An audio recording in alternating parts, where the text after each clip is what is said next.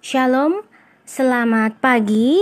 Berjumpa kembali dengan saya Winda Medianti dan ini merupakan podcast pertama saya di tahun 2021. Well, kali ini saya ingin uh, membuat podcast untuk mata pelajaran agama Kristen Protestan di mana bab 4 yang mau saya buatkan podcast ini bertajuk dosa dan pertobatan. Saya akan membacakan rangkuman yang ada di halaman belakang dari bab 4 ini tentang dosa. Dan tertulis pada rangkuman, dosa adalah perbuatan manusia yang memberontak terhadap Allah. Jadi sebagaimana yang dikatakan oleh rang, di dalam rangkuman ini tadi, dosa ialah perbuatan manusia yang memberontak. Akibat dari pemberontakan itu menyebabkan hubungan antara manusia dengan Allah menjadi rusak dan manusia mengalami kematian rohani. Untuk itu, manusia membutuhkan keselamatan dan pemulihan hubungan dengan Allah supaya diselamatkan. Manusia perlu mengakui dosa-dosanya dan bertobat. Pertobatan yang sungguh-sungguh akan menghasilkan pengampunan, pemulihan, dan keselamatan. Nah, bahan Alkitab untuk bab 4 ini di antaranya adalah Mazmur 51.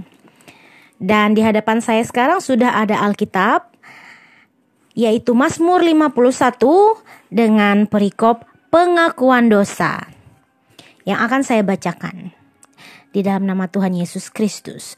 Untuk pemimpin biduan, Mazmur dari Daud. Ketika Nabi Nathan datang kepadanya setelah ia menghampiri Batsheba. Kasihanilah aku ya Allah, menurut kasih setiamu.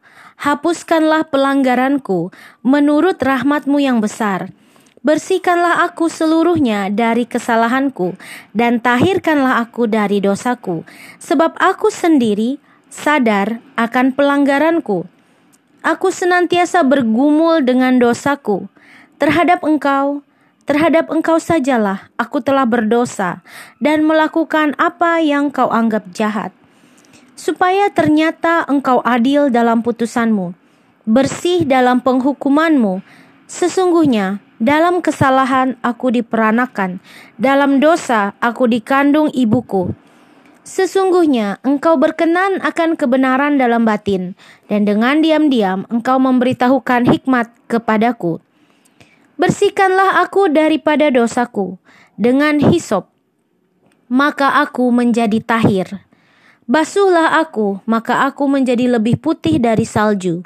Biarlah aku mendengar kegirangan dan sukacita biarlah tulang yang kau remukan bersorak-sorak kembali. Sembunyikanlah wajahmu terhadap dosaku. Hapuskanlah segala kesalahanku. Jadikanlah hatiku tahir ya Allah, dan perbaharuilah batinku dengan roh yang teguh. Janganlah membuang aku dari hadapanmu, dan janganlah mengambil rohmu yang kudus daripadaku. Bangkitkanlah kembali padaku kegirangan, karena selamat yang daripadamu dan lengkapilah aku dengan roh yang rela. Maka aku akan mengajarkan jalanmu kepada orang-orang yang melakukan pelanggaran, supaya orang-orang berdosa berbalik kepadamu. Lepaskanlah aku dari hutang darah, ya Allah, Allah keselamatanku. Maka lidahku akan bersorak-sorai memberitakan keadilanmu. Ya Tuhan, bukalah bibirku supaya mulutku memberitakan puji-pujian kepadamu sebab engkau tidak berkenan kepada korban sembelihan. Sekiranya ku persembahkan korban bakaran, engkau tidak menyukainya. Korban sembelihan kepada Allah ialah jiwa yang hancur, hati yang patah dan remuk, tidak akan kau pandang hina ya Allah. Lakukanlah kebaikan kepada Sion menurut kerelaan hatimu.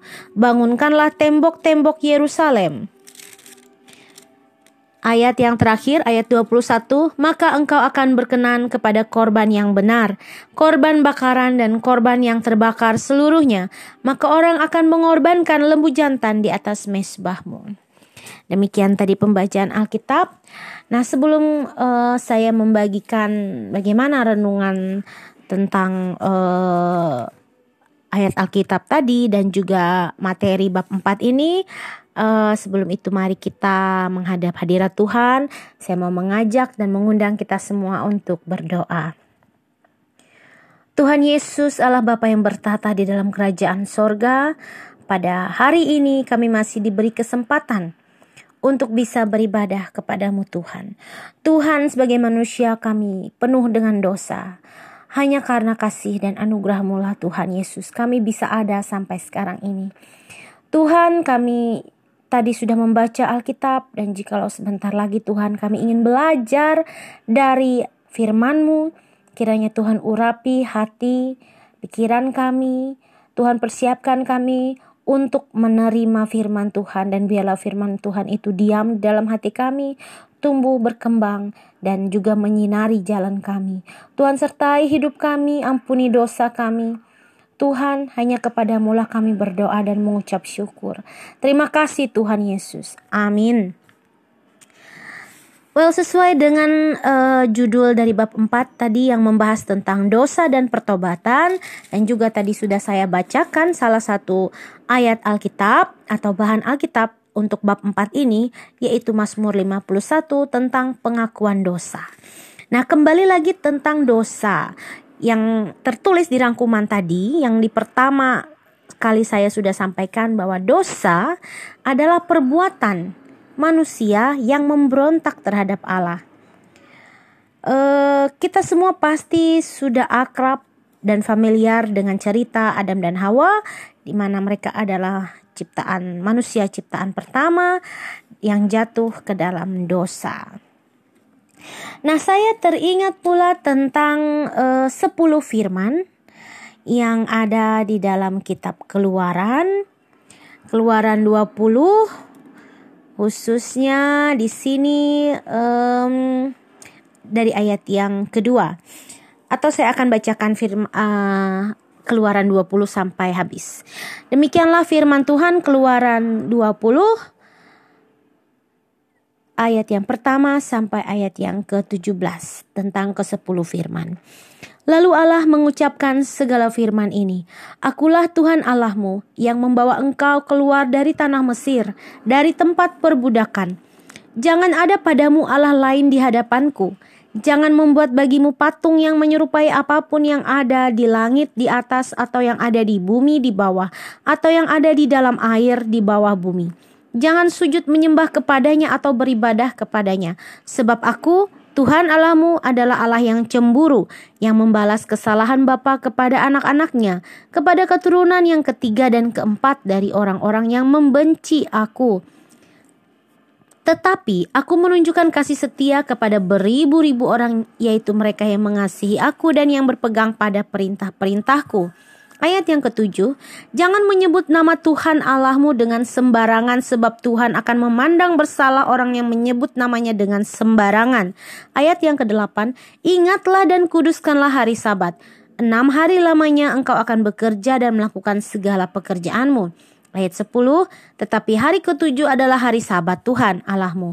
Maka jangan melakukan sesuatu pekerjaan engkau atau anakmu laki-laki atau anakmu perempuan atau hambamu laki-laki atau hambamu perempuan atau hewanmu atau orang asing yang di tempat kediamanmu. Ayat ke-11, sebab enam hari lamanya Tuhan menjadikan langit dan bumi laut dan segala isinya dan ia berhenti pada hari ketujuh. Itulah sebabnya Tuhan memberkati hari sabat dan menguduskannya. Ayat ke-12, hormatilah ayahmu dan ibumu supaya lanjut umurmu di tanah yang diberikan Tuhan Allahmu kepadamu. Ayat ke-13, jangan membunuh. Ayat ke-14, jangan berzina. Ayat ke-15, jangan mencuri. Ayat ke-16, jangan mengucapkan saksi dusta tentang sesamamu. Ayat 17, jangan mengingini rumah sesamamu, jangan mengingini istrinya atau hambanya laki-laki atau hambanya perempuan atau lembunya atau keledainya atau apa pun yang dipunyai sesamamu. Nah, eh, kenapa saya tertarik dengan ke-10 firman ini dan apa kaitannya dengan eh, bab 4 yaitu tentang dosa dan pertobatan. Ada banyak sekali pelanggaran atau pemberontakan atau perbuatan manusia yang melanggar atau memberontak terhadap Allah itu eh, bermula atau berdasar dari pelanggaran atau pemberontakan terhadap kesepuluh firman di antaranya.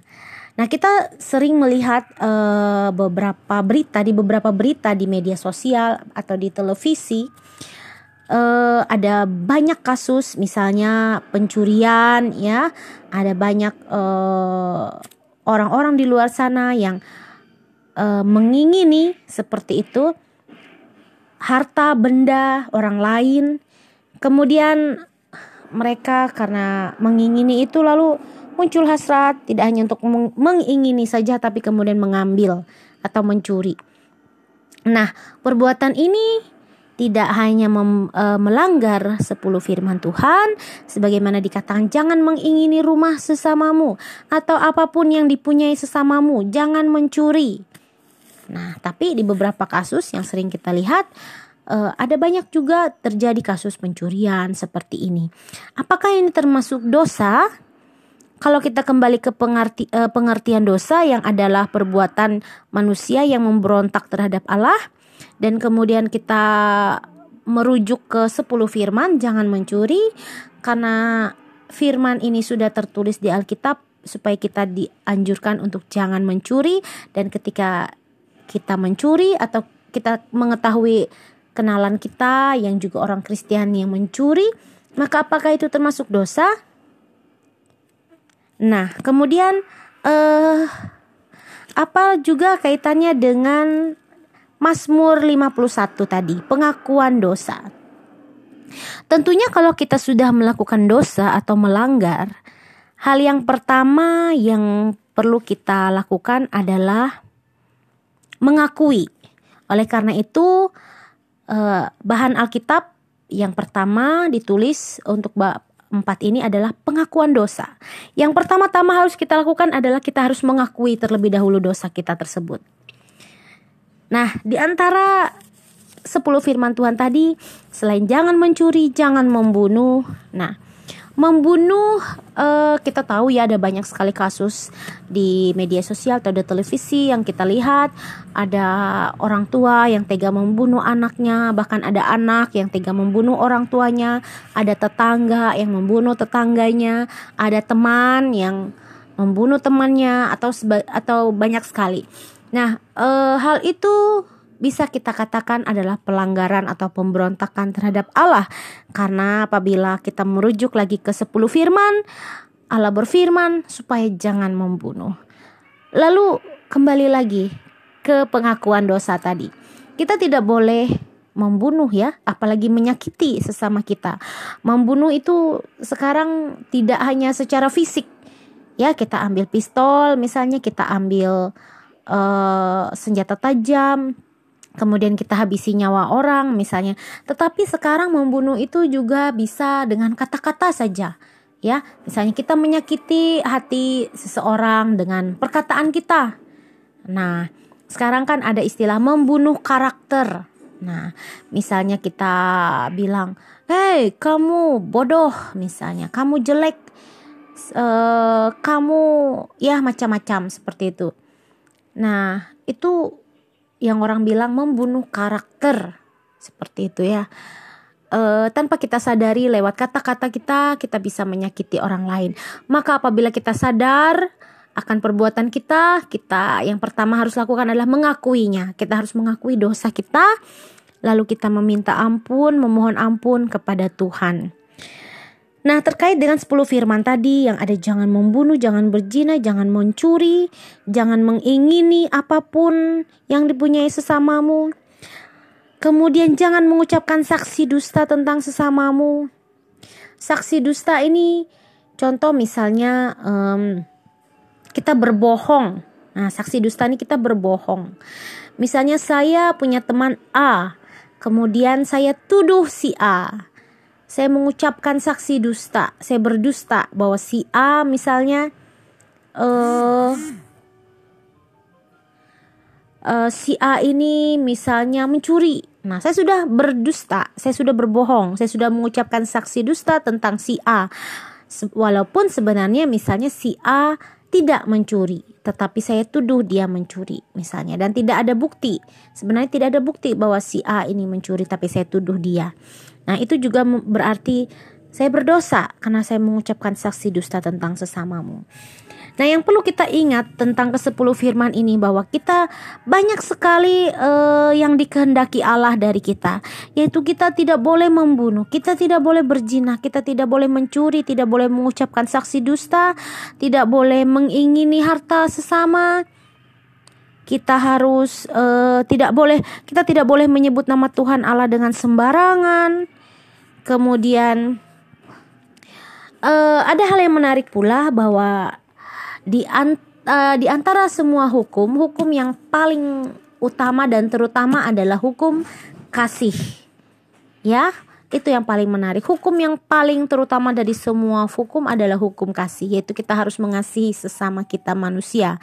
Nah, pada intinya apabila kita sudah mengasihi, maka kita tidak mungkin membunuh, kita tidak mungkin berzina, kita tidak mungkin mencuri, kita tidak mungkin mengucapkan saksi dusta, kita tidak mungkin mengingini harta sesama, kita tidak mungkin juga uh, menyembah Allah lain ya selain Tuhan yang kita sembah.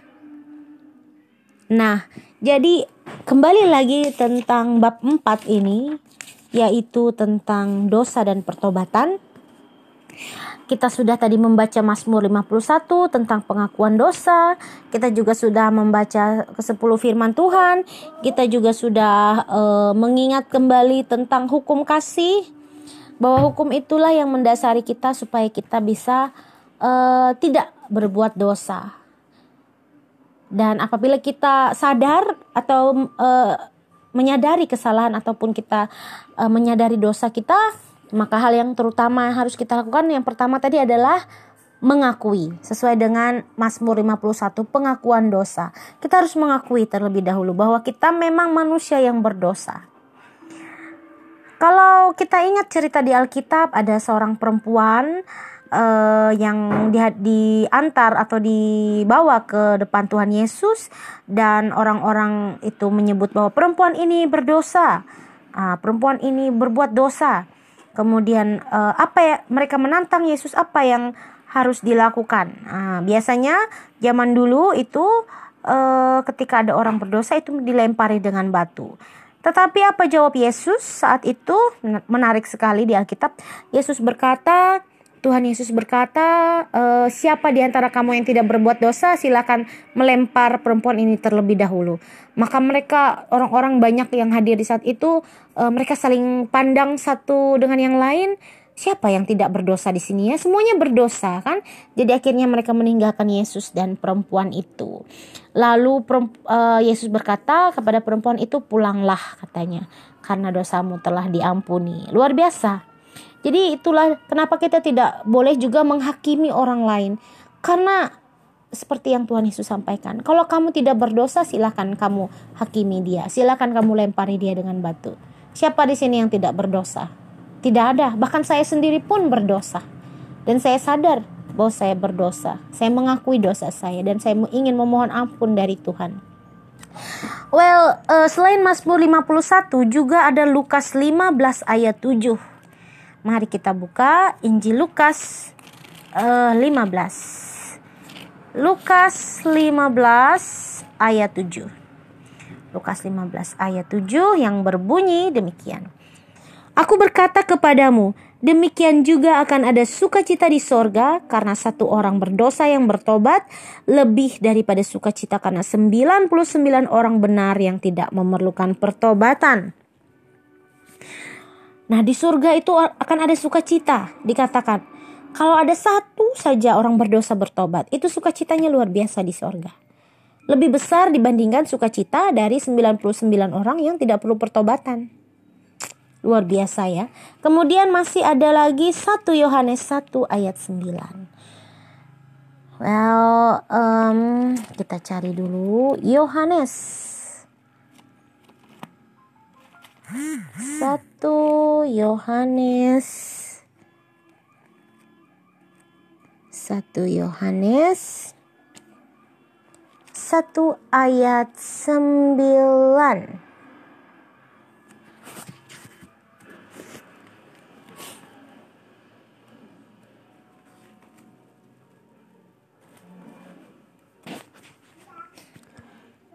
1 Yohanes 1 ayat 9 yang berbunyi demikian. Jika kita mengaku dosa kita, maka ia adalah setia dan adil, sehingga ia akan mengampuni segala dosa kita dan menyucikan kita dari segala kejahatan. Nah, um, sekarang sudah cukup panjang lebar saya menjelaskan. Sekarang saya ingin uh, siswa-siswi saya dari kelas 7 yang beragama Kristen Protestan, saya ingin kalian menuliskan daftar pelanggaran atau pemberontakan ataupun dosa yang dilakukan oleh siswa. Ini siswa uh, pada umumnya, pada biasanya, pada saat uh, mereka di sekolah. Nah, karena ini zaman COVID, jadi kita tidak turun ke sekolah. Tapi ada uh, beberapa pelanggaran ini dari pengalaman saya selama saya mengajar yang sering dilakukan oleh siswa. Coba kalian uh, tuliskan, daf bikin daftarnya. Satu misalnya apa? Satu, misalnya berbohong kepada orang tua. Misalnya, pergi ke sekolah, ternyata tidak pergi ke sekolah. Apakah ada yang seperti itu? Kemudian yang kedua, saya bisa berikan contoh berbohong, masih berbohong juga. Misalnya karena dia ingin dapat uang jajan lebih atau karena dia ingin dibelikan sesuatu, akhirnya dia berbohong. Karena misalnya disuruh oleh uh, di sekolah mengumpulkan uang sekian tapi ternyata tidak ada. Nah, itu juga termasuk berontak atau pelanggaran ya yang bisa terjadi yang dilakukan oleh misalnya seorang pelajar. Nah, selain itu apa lagi? Misalnya berkelahi. Nah, berkelahi di sekolah ini juga sering terjadi. Nah, misalnya awalnya hanya saling awalnya hanya begayaan, misalnya bercanda, ejek mengejek iseng. Ujung-ujungnya malah kelahi. Misalnya, lalu yang satu nangis, yang satu ngadu misalnya. Lalu berakhir misalnya ditegur guru, masuk ruang BP. Nah, itu juga termasuk pelanggaran ya. Kita tidak katakan itu ya dosa, tapi itu uh, uh, pelanggaran atau pemberontakan terhadap apa yang sebenarnya diinginkan. Tuhan kan menginginkan kita baik-baik ya, baik selalu untuk selalu baik. Tetapi kadang kita um, tidak bisa uh, melakukan itu semua. Kadang ada juga saatnya memberontak ya itu kan. Nah, saatnya memberontak itu seperti apa tadi? Contohnya ya saat berbohong kepada orang tua, saat berkelahi di sekolah.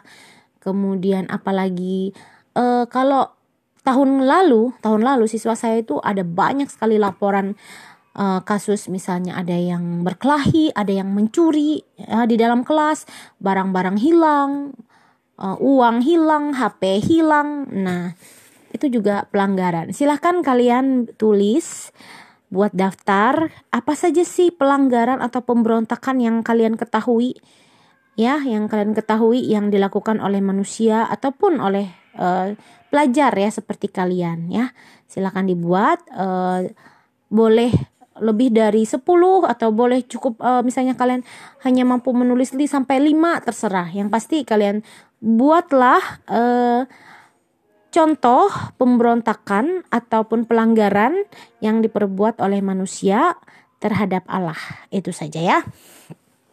Um, kemudian lagi kita kembali ke Mazmur 51 tadi. Jadi ini tugas yang kedua. Kalau yang pertama tadi adalah kalian menulis atau membuat menuliskan contoh pelanggaran atau pemberontakan yang dilakukan yang diperbuat oleh manusia terhadap Allah. Yang kedua ini uh, uh, adalah tuliskan, tuliskan kembali Mazmur 51 ayat yang kelima uh, ayat yang kelima. Jadi tugas yang kedua, apakah bunyi Mazmur 51 ayat 5? Kemudian yang ketiga, apakah bunyi Mazmur 51 atau tuliskan gitu ya, tuliskan uh, Mazmur 51 ayat yang ke-10 tulis ayat ke-10 Mazmur 51 ayat 10 apa bunyinya? Kemudian yang keempat tuliskan ayat Alkitab Mazmur 51 ayat 15 dan yang terakhir yang terakhir adalah uh, sebentar. Tuliskan apa bunyi dari ayat Alkitab 1 Yohanes. Sebentar, saya sambil cari juga.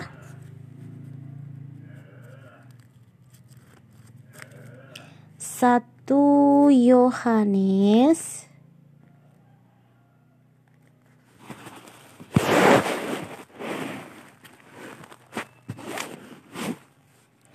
Satu Yohanes satu ayat sembilan. Oke, itu saja tugas untuk kalian.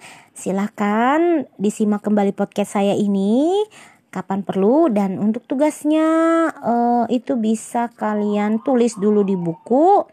Kemudian kalau sudah kalian boleh kirim bisa di Google Classroom ngirimnya di Google Classroom atau untuk info selanjutnya nanti bisa uh, berkomunikasi dengan saya lewat grup uh, belajar ya, yang baik yang ada di WhatsApp maupun yang ada di Google Classroom.